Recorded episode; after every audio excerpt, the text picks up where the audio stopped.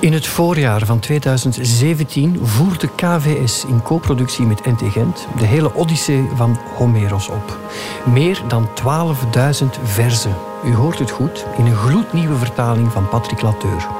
Gebracht door 30 acteurs. Goed voor meer dan 26 uur theater.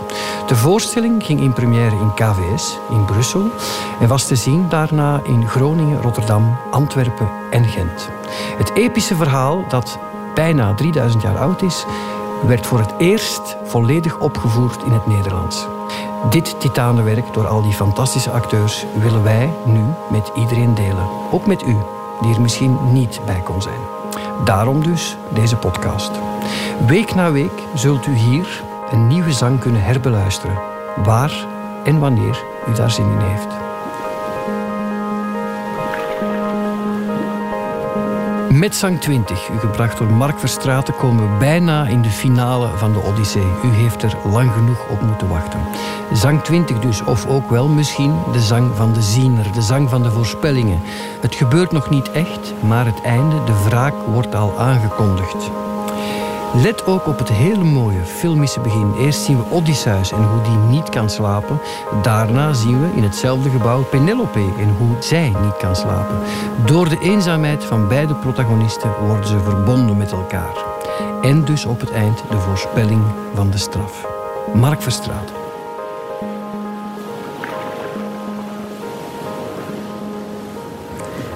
De goddelijke Odysseus legde zich in de voorhal van het huis te slapen. Hij spreidde op de grond een ongelooid stuk runderhuid. Daaroverheen veel vachten van schapen die Achaiers steeds maar slachten. En toen hij neerlag, wierp een mee een mantel over hem.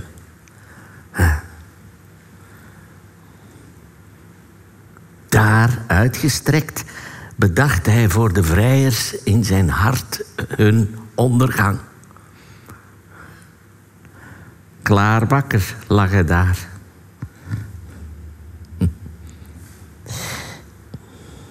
Vanuit de mannenzaal kwamen de vrouwen die bij de vrijers vroeger al plachten te slapen. Onderling hadden zij veel plezier en lachten vrolijk met elkaar. Het hart van Odysseus werd in zijn borst met ergernis gevuld. Verscheurd was hij in hart en geest.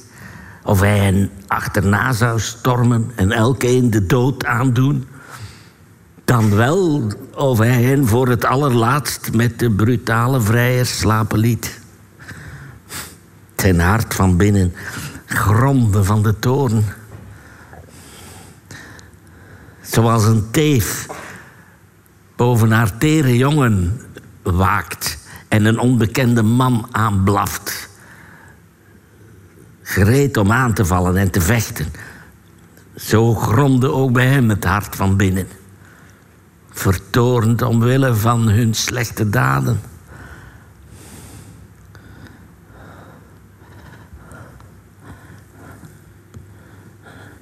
Hij sloeg zich op de borst, wees zich terecht. Volhard mijn hart. Nog beestiger was toch de pijn die hij ooit dulde op de dag dat de cycloop in kracht niet te weerstaan mijn sterke kameraden heeft verslonden. Maar jij volharde tot een list je bracht buiten de grot waarin je dacht te sterven. Met deze woorden wees hij in zijn borst zijn hart terecht. Het gaf gehoor aan hem, volhardend en standvastig. Maar zijn lichaam bleef zich voortdurend heen en weer omdraaien. Zoals een een man op een groot gloeiend vuur een pens gevuld met vet en bloed steeds heen en weer draait. Want de kok wil enkel maar de bloedworst vliegensvlug gebraden zien. Zo wentelde ook hij zich heen en weer.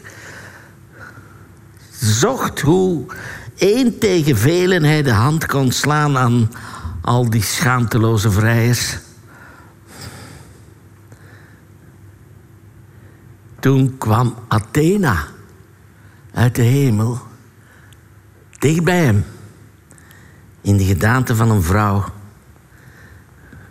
Boven zijn hoofdeind bleef ze staan en sprak: Waarom toch lig jij alweer wakker? Jij, de ongelukkigste van alle mannen. Dit is jouw huis. In huis heb jij hier vrouw en kind, een, een, een zoon, zoals elk man zich toewenst.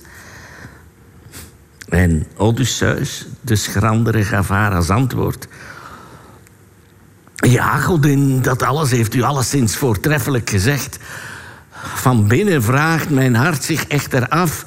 hoe ik alleen de hand zou kunnen slaan aan deze schaamteloze vrijers... al maar in drommen hier te zien in ons paleis. Daarbij bedenk ik in mijn geest nog iets wat me nog zwaarder ligt... Al dood ik hen met steun van u eh, eh, eh, of Zeus, waar moet ik mij dan aan de wraak onttrekken? Denk daaraan. En de godin, met fonkelende ogen, Athena, zei hem: Eigenzinnig man. Er zijn veel mensen die een vriend vertrouwen die minder voorstelt. Ook al is die sterfelijk en weet hij ook niet alles wat ik weet. Maar ik ben een godin die jou voortdurend behoedt in elk gevaar.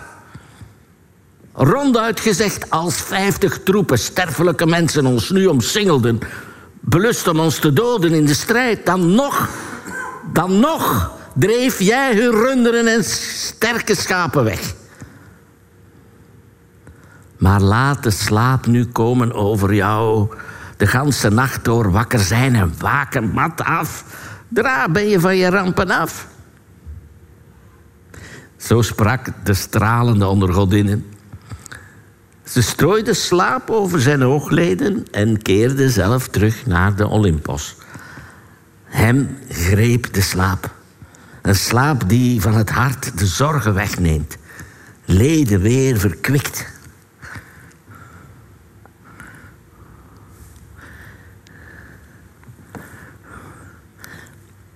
Toen werd zijn trouwe echtgenote wakker. Ze weende, op haar zachte bed gezeten. Maar toen haar hart van tranen was verzadigd, bad zij, de stralende onder godinnen het eerst, de stralende onder de vrouwen, het eerst tot Artemis. Godin vol macht, Zeus, dochter, Artemis. Ik wou dat u nu met een pijl mijn borst trof en terstond mijn leven wegnam. Of een storm me meenam. Me meesleurde langs schemerige paden om mij te werpen waar Okeanos, die rond de aarde vloeit, zijn monding heeft. Zoals de dochters van Pandarios door storm en wind ooit werden meegesleurd. Hun ouders waren omgebracht door goden. Ze bleven in hun huis als wezen achter. De schitterende Afrodite zorgde voor hen. Ze kregen kaas, een zoete honing, een fijne wijn. En, en Hera schonk hun schoonheid en wijsheid, meer dan alle andere vrouwen. De kuise Artemis gaf hun een grote gestalte. En, en Athena leerde hun het prachtig handwerk te vervaardigen. Toen ging de schitterende Afrodite de stralende Olympos op om, om, om Zeus, die met de bliksem slingert voor de meisjes, te vragen om een heugelijk huwelijk. Want hij kent alles goed, zowel geluk als ongeluk van sterfelijke mensen. Haar pijen rukten hen intussen weg. De meisjes gaven ze aan de gehate Erenieën om hun van dienst te zijn. Ook zij die huizen in Olymposzalen mogen me zo spoorloos laten verdwijnen. Ofwel mag Artemis met mooie lokken me treffen. Dan kan ik met Odysseus voor ogen afdalen onder de aarde, die ik verafschuw. En geen sinds de geest verblijden van een minderwaardig man. Als iemand overdag wel weent, hevig bedroefd van hart, maar, maar s'nachts diep slapen kan, dan, dan is dat nog een kwaad dat draaglijk is. Want slaap doet alles goed en kwaad vergeten zodra hij onze oogleden omhult. Maar ik krijg door een God zelfs boze dromen. Vannacht sliep er alweer iemand naast mij die leek op hem, zoals hij bij zijn afreis met zijn soldaten was. Ik dacht niet aan een, aan een droom, maar aan iets echts.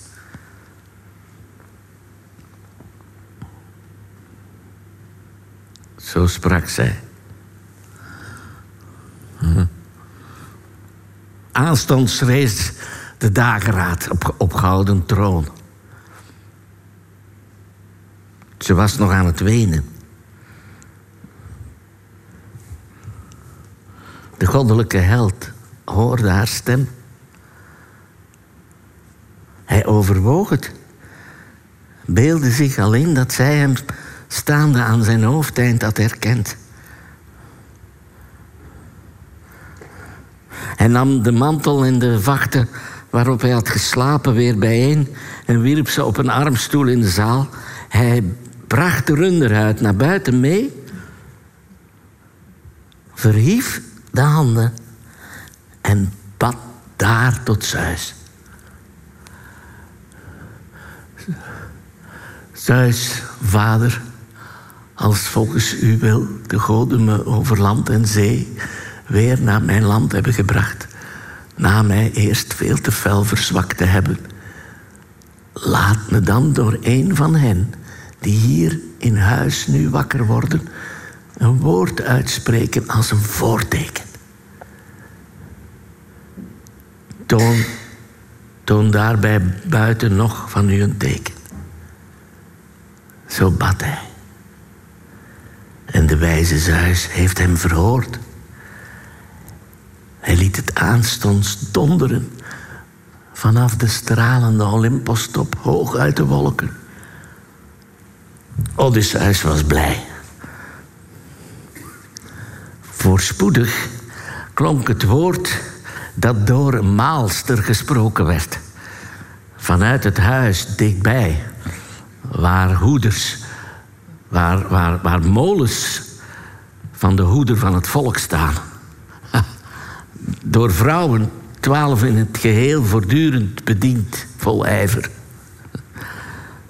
Zij vermalen gerst en tarwe, krachtig voedsel voor de mannen.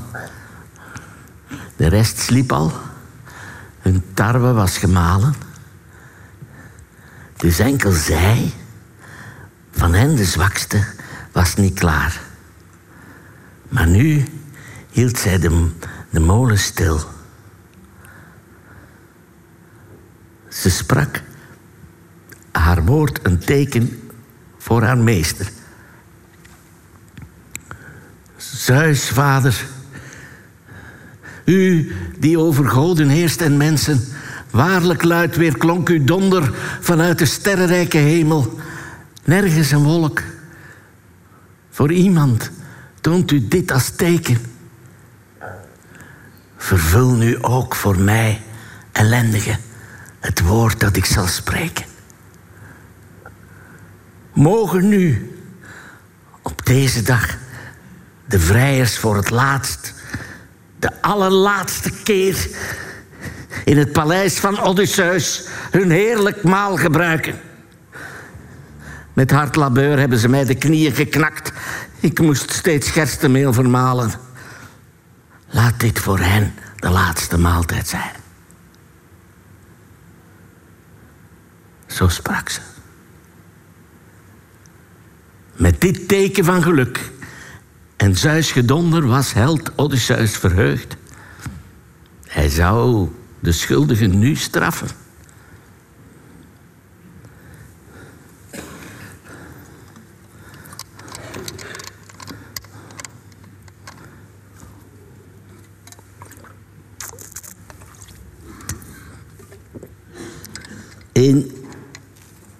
In, Odysseus mooi huis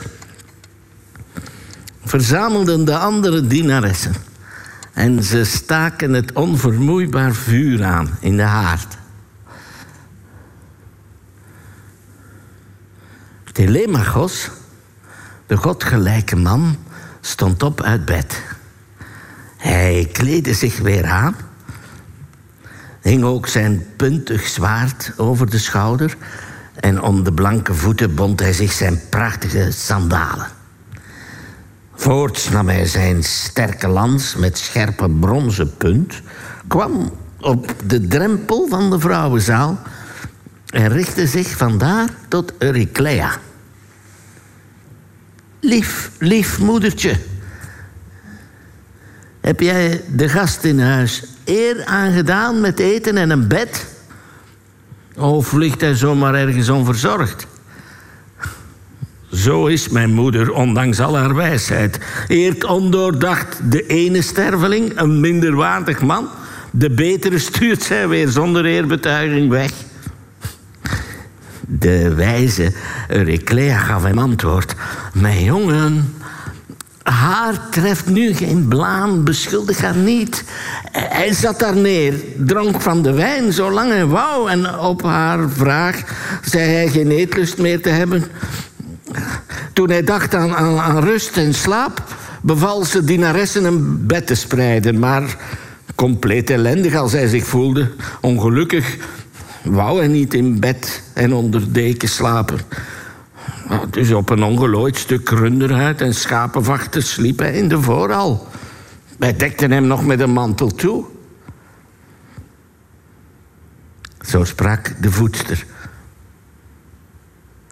Telemachos ging door de zaal naar buiten, in zijn hand de speer. Twee snelle honden volgden hem. Hij ging op weg naar de vergadering bij de Achaiërs met de sterke scheenplaat. En Euryclea, de voortreffelijke onder de vrouwen, die, die de dochter was van Ops, die zelf de zoon was van Pesenor, riep alle dienaressen en ze zei: Kom, repje, eh, jullie hier besprenkelen de huisvloer, uh, vegen het paleis en leggen op fraai bewerkte zetels purperdekens. En jullie daar vegen alle tafels af met sponsen. Uh, reinig ook de mengvaten, de mooi gemaakte bekers met twee oren. Die kinderen moeten aan de bron om water. Vertrek en breng het vliegensvlug hierheen. De vrijers blijven niet zo lang meer weg uit deze zaal. Ze keren nu zeer vroeg terug. Het is voor allen immers feest. Zo sprak ze. En ze luisterden met graagte, gehoorzaamden. En twintig onder hen vertrokken naar de bron vol donker water. De rest werkte daar vaardig in het huis.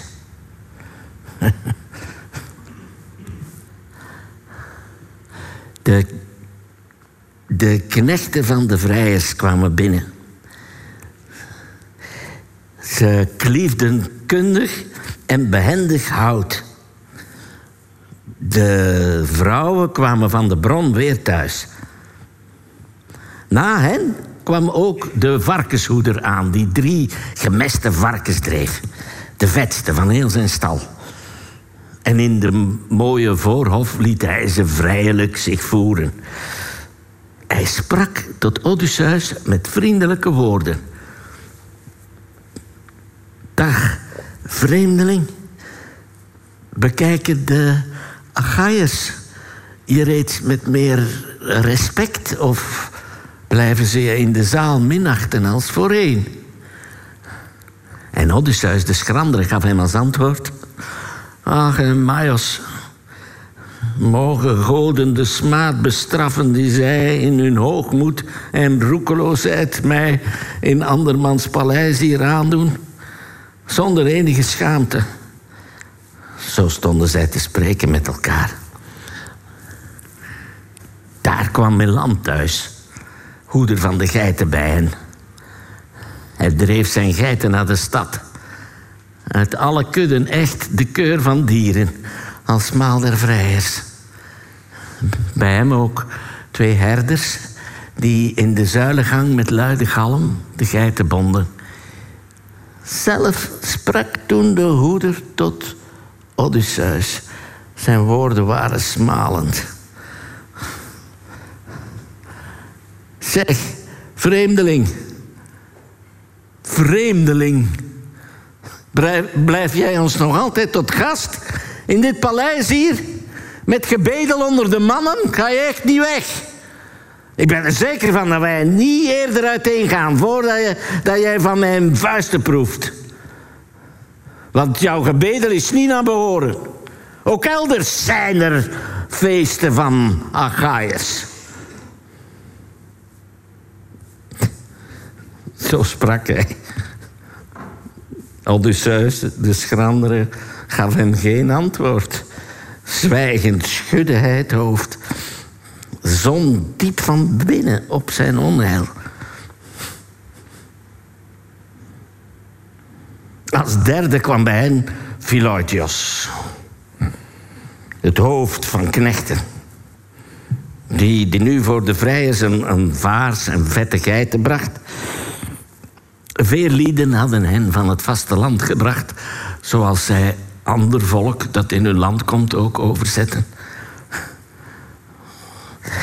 In de zuilengang met luide galm bond hij het vee strak vast, kwam zelf dicht bij de varkenshoeder staan en stelde hem op zijn beurt deze vragen.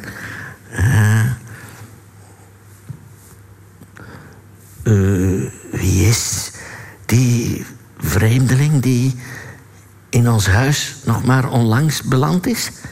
Zwijnenhoeder? Op, op, op wat voor volk van afkomst is hij trots? Waar woont zijn ras? Waar ligt zijn vadergrond? Och, arme. Toch lijkt hij met zijn gestalte een vorst. Maar goden brengen tot ellende de stervelingen... die veel moeten zwerven zo dikwijls als zij hun... al zijn het vorsten de draden spinnen van het ongeluk... Zo zei Philotios. Hij kwam wat nader, schudde de rechterhand van Odysseus. Hij sprak tot hem en gaf zijn woorden vleugels. Ik groet je, waarde gastvriend. Het geluk mag in de toekomst komen over jou, want nu word je gekweld door veel ellende. Zeus, vader, er is echt geen andere God die nog verderfelijker is dan u. U heeft geen medelijden met de mensen. U schonk zelf het leven om hen dan te storten in ellende, pijn en smart. Ach, vadertje, toen ik je zag, brak mij het hart uit. Brak mij het zweet uit. Tranen vulden zo mijn ogen terwijl ik denken moest aan Odysseus. Want ik vermoed dat ook hij onder mensen in zulke lompen aan het zwerven is als hij nog leeft en nog het zonlicht ziet.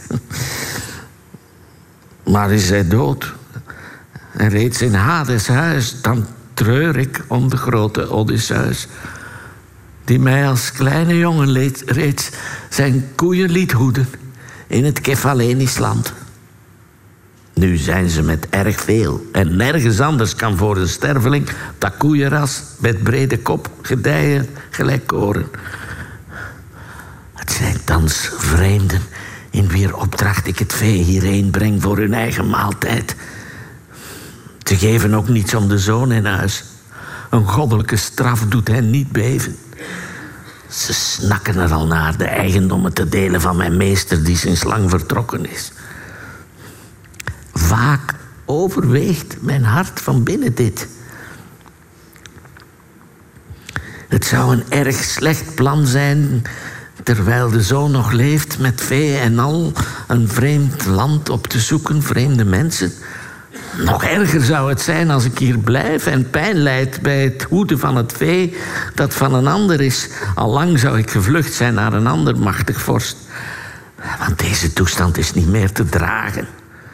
Maar van die ongelukkige hoop ik nog steeds dat hij van ergens thuis zal komen om al de vrijers uit zijn huis te jagen. En Odysseus, de schrandere, gaf hem als antwoord: veehoeder. Ik heb de indruk dat jij geen slecht of onverstandig mens bent. Zelf stel ik vast dat jij een wijze geest hebt. Daarom zeg ik jou klaar en duidelijk. Ik zweer daarbij ook nog een dure eed. Getuige Zeus, het eerst van alle goden. Ook deze gastentafel en de haard van de voortreffelijke Odysseus waaraan ik ben beland. Hij keert terug naar huis terwijl je hier bent.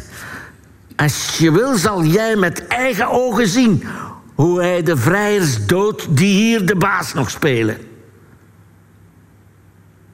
De koeherder sprak op zijn beurt tot hem. Ach, vreemdeling, ik wens dat Kronos zoon je woord vervult. Dan zal je zien hoe sterk ik ben en wat voor vuisten ik wel heb. En Maios bad ook zo tot alle goden dat de verstandige held Odysseus terug mocht keren naar zijn eigen huis. En zo stonden zij te spreken met elkaar. Intussen, intussen dachten alle vrijers verder aan dood en doem voor die Telemachos. Maar links verscheen er boven hen een vogel in hoge vlucht. Een arend. In zijn greep een schuwe duif. En in hun midden nam Amphinomos terstond het woord en sprak. Mijn, mijn vrienden, nee, Telemachos vermoorden, dat plan van ons zal ons nu niet gelukken. Wij moeten enkel denken aan ons feestmaal. Zo sprak Amphinomos. Zijn woord bevielen. Ze trokken naar het huis van Odysseus. Daar legden zij hun mantels neer op zetels en leunstoelen. Er werden grote schapen geslacht en vette geiten. Ook een koe die uit de kudde kwam, gemeste varkens. Ze roosterden de ingewanden, deelden die uit en mengden in de kraters wijn. De varkenshoeder droeg de bekers rond. Philotios, het hoofd van knechten, deelde in mooie korven brood rond onder hen. En van Melanthus kregen zij de wijn. Ze strekten snel hun handen naar de spijzen die waren klaargemaakt en voorgezet. Telemachos, geslepen en beducht, deed Odysseus neerzitten in de stevig gebouwde zaal, vlak naast de stenen drempel.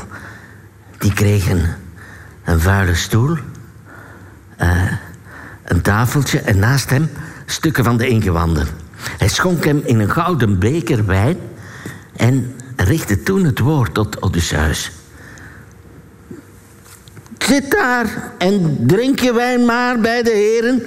Ik zelf zal jou beschermen tegen hoon en slagen van die vrijers allemaal. Dit is geen openbaar gebouw, maar wel het huis van Odysseus dat hij verwierf voor mij.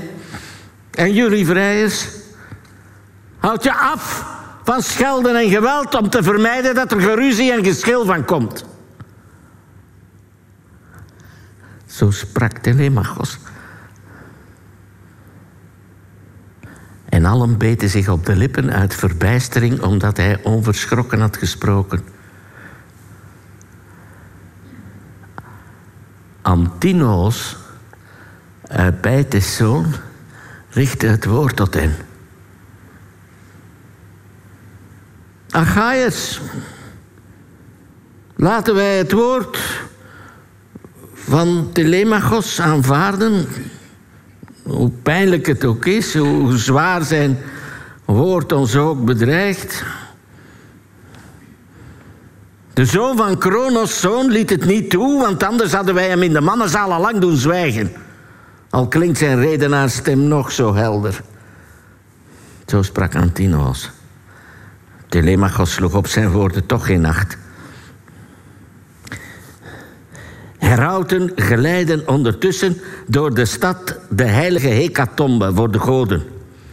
En de Achaiërs met de lange haren verzamelden zich in het woud vol lommer van god Apollo die van verre treft. Nadat het vlees gebraden van het spit getrokken was, verdeelden zij de stukken. Genoten van de feestelijke dis. De dienaars zetten Odysseus een stuk voor dat, dat, even groot was als wat ze zelf kregen. Want zo had het Telemachos bevolen. Zoon van de goddelijke Odysseus. Athena liet nog helemaal niet toe dat die verwaten vrijers ophielden met smaad en hoon. Op dat verdriet nog dieper het hart van Odysseus, Alertes, Laertes zoon, doordringen zou. Er was onder de vrijers een man die zich niet stoorde aan de wet. Ctesippos was zijn naam. Zijn huis had hij op Same. Op zijn mateloze rijkdom vertrouwend trachtte hij al maar de vrouw van Odysseus te krijgen, die sinds lang afwezig was. Hij was het die het woord nam in de kring van de verwaande vrijers. Moedige vrijers, hoor nu wat ik zeg. De vreemdeling ontving al lang zijn deel, gelijk aan dat van ons zoals het hoort. Het is niet mooi en evenmin rechtvaardig de gasten van Telemachos tekort te doen, wie er ook in dit huis belandt. Maar kom, ook ik geef hem een gastgeschenk. Dan kan hij zelf een eergeschenk aanbieden aan wie voor hem een bad verzorgen zal. Of aan een van de dienaars in het huis van Odysseus, de goddelijke held. Zo sprak hij. Greep toen naar een koeipoot die in een mand lag. Wierp met vaste vuist het stuk naar hem maar Odysseus ontweek de poot door snel zijn hoofd opzij te wenden. Een lach van hoon en spot vulde zijn hart. De runderpoot trof wel de sterke wand. Telemachos hoonde daarop Thesippos. Thesippos, jij mag spreken van geluk. Je trof de vreemdeling niet, want hij wist de worp snel te ontwijken. Anders trof ik jou met scherpe speer in volle borst en had je vader een begrafenis hier te verzorgen en geen huwelijk. Dat niemand zich hier onbetamelijk gedraagt in mijn paleis. Ik waarschuw jullie. Want in mijn hart begrijp en weet ik alles. Het goede en het kwade. Vroeger was ik nog een onnozel kind. Toch moet ik nu dat alles nog verdragen. Leidzaam toezien hoe me de schapen slacht. Het voedsel vreet, de, de wijn opzuipt. Want vele tegenhouden is voor een niemand moeilijk vol te houden. Kom aan, stop dat vijandig wangedrag. Maar als jullie er vurig naar verlangen, mij nu te doden met het brons, zou ik dat zelfs verkiezen. Sterven zou veel beter zijn dan altijd die schanddaden te zien. Mishandeling van gasten. Dienstmeisjes vernederend gesleurd door mooie zalen. Zo sprak Telemachos. Alle werden stil en zwegen.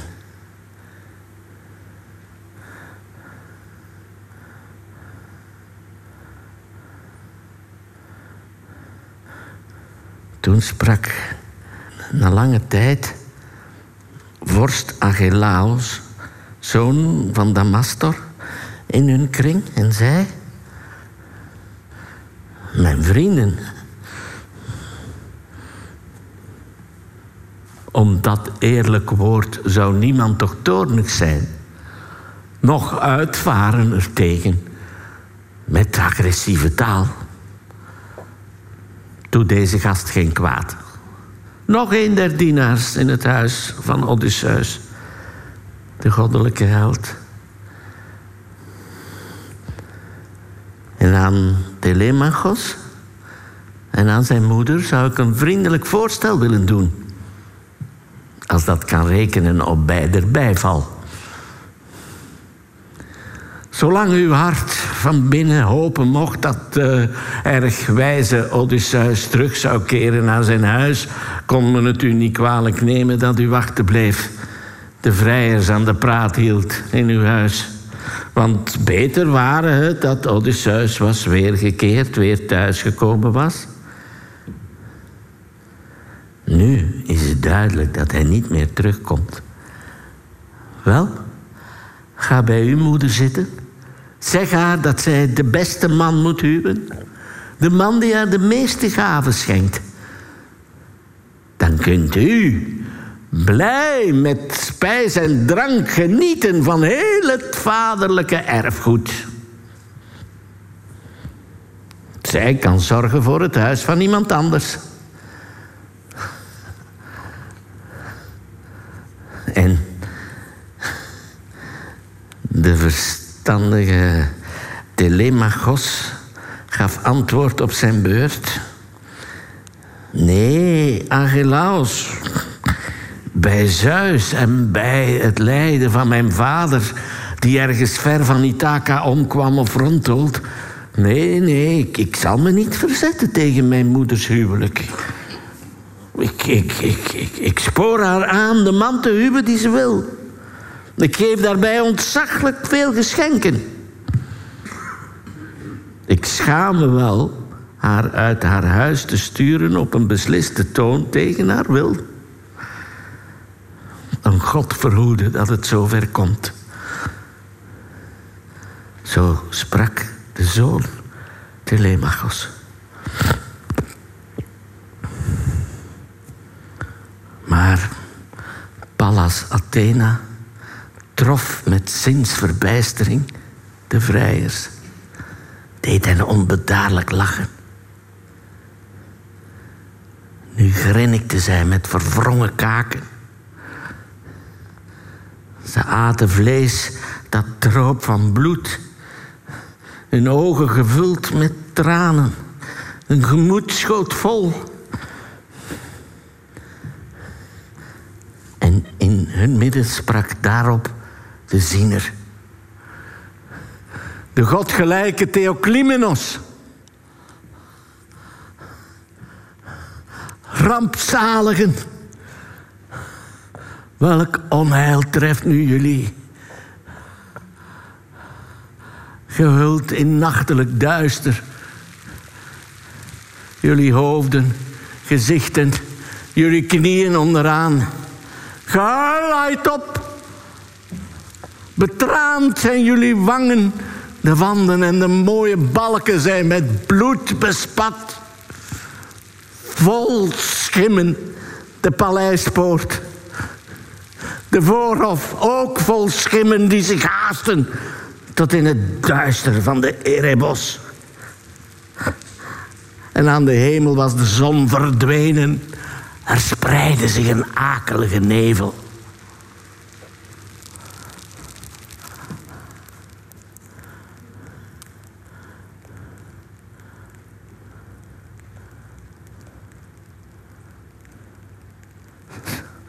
Zo sprak hij. Allen lachten smakelijk. Eurymachos, de zoon van Polybos, sprak toen als eerste. Gek is onze gast, die, die, die pas is aangekomen uit de vreemde. Snel, jonge mannen, breng hem uit het huis naar buiten dat hij naar het marktplein gaat. Want binnen lijkt het nacht te zijn voor hem. De godgelijke Theoclymenos antwoordde hem... Rimachos, ik vraag je niet mijn begeleiders mee te geven. Ik heb nog ogen, oren, mijn twee voeten. Van binnen ook nog een gezonde geest. Daarmee ga ik naar buiten, want ik zie dat onheil over jullie komt. Geen vrijer ontkomt eraan. Vermijden zal het niemand die hier in het paleis van Odysseus, de goddelijke held, mensen geweld aandoet. Uit hoogmoed, en vol roekeloosheid. Zo sprak hij. Telemachos. Uh, Theoclymenos ging daarna het goed gebouwd paleis uit naar Peraeus, die hem van harte en gastvrij ontving. De vrijers wisselden toen onderling wat boze blikken. Ze spotten met de gasten en tergden zo opnieuw Telemachos. En zo sprak menig overmoedig jong. Telemachos. Niemand kent met zijn gasten meer tegenslag dan jij. Neem nu bijvoorbeeld die vuile schooier. Uit op wijn en voedsel. Met oorlogsvoering of landarbeid niet vertrouwd. Dus enkel maar een lastpost op de aarde. En dan die andere die op ging staan om waarzegger te spelen. Maar voor jou was het veel beter mij gehoor te geven. Ach, laten we die gasten op een schip met veel roeibanken werpen. Naar Sicilië wegzenden.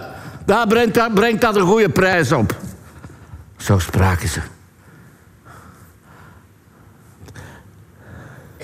Telemachos sloeg echter geen acht op deze woorden, maar keek zwijgend zijn vader aan, voortdurend het moment afwachtend waarop Odysseus de hand zou slaan aan al die schaamteloze vrijers.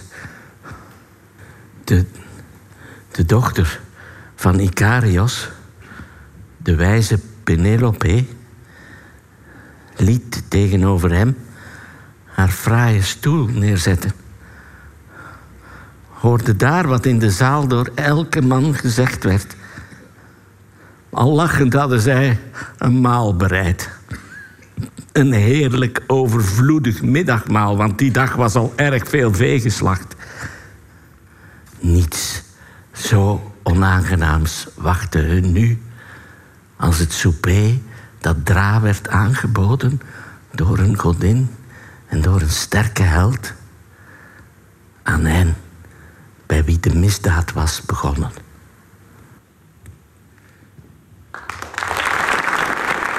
Deze podcast is een samenwerking van KVS, Radio 1, uitgeverij Atheneum Pollak en Van Gennep en vertaler Patrick Lateur.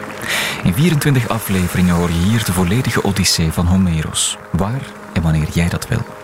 Meer informatie vind je ook via kvs.be en natuurlijk ook radio1.be.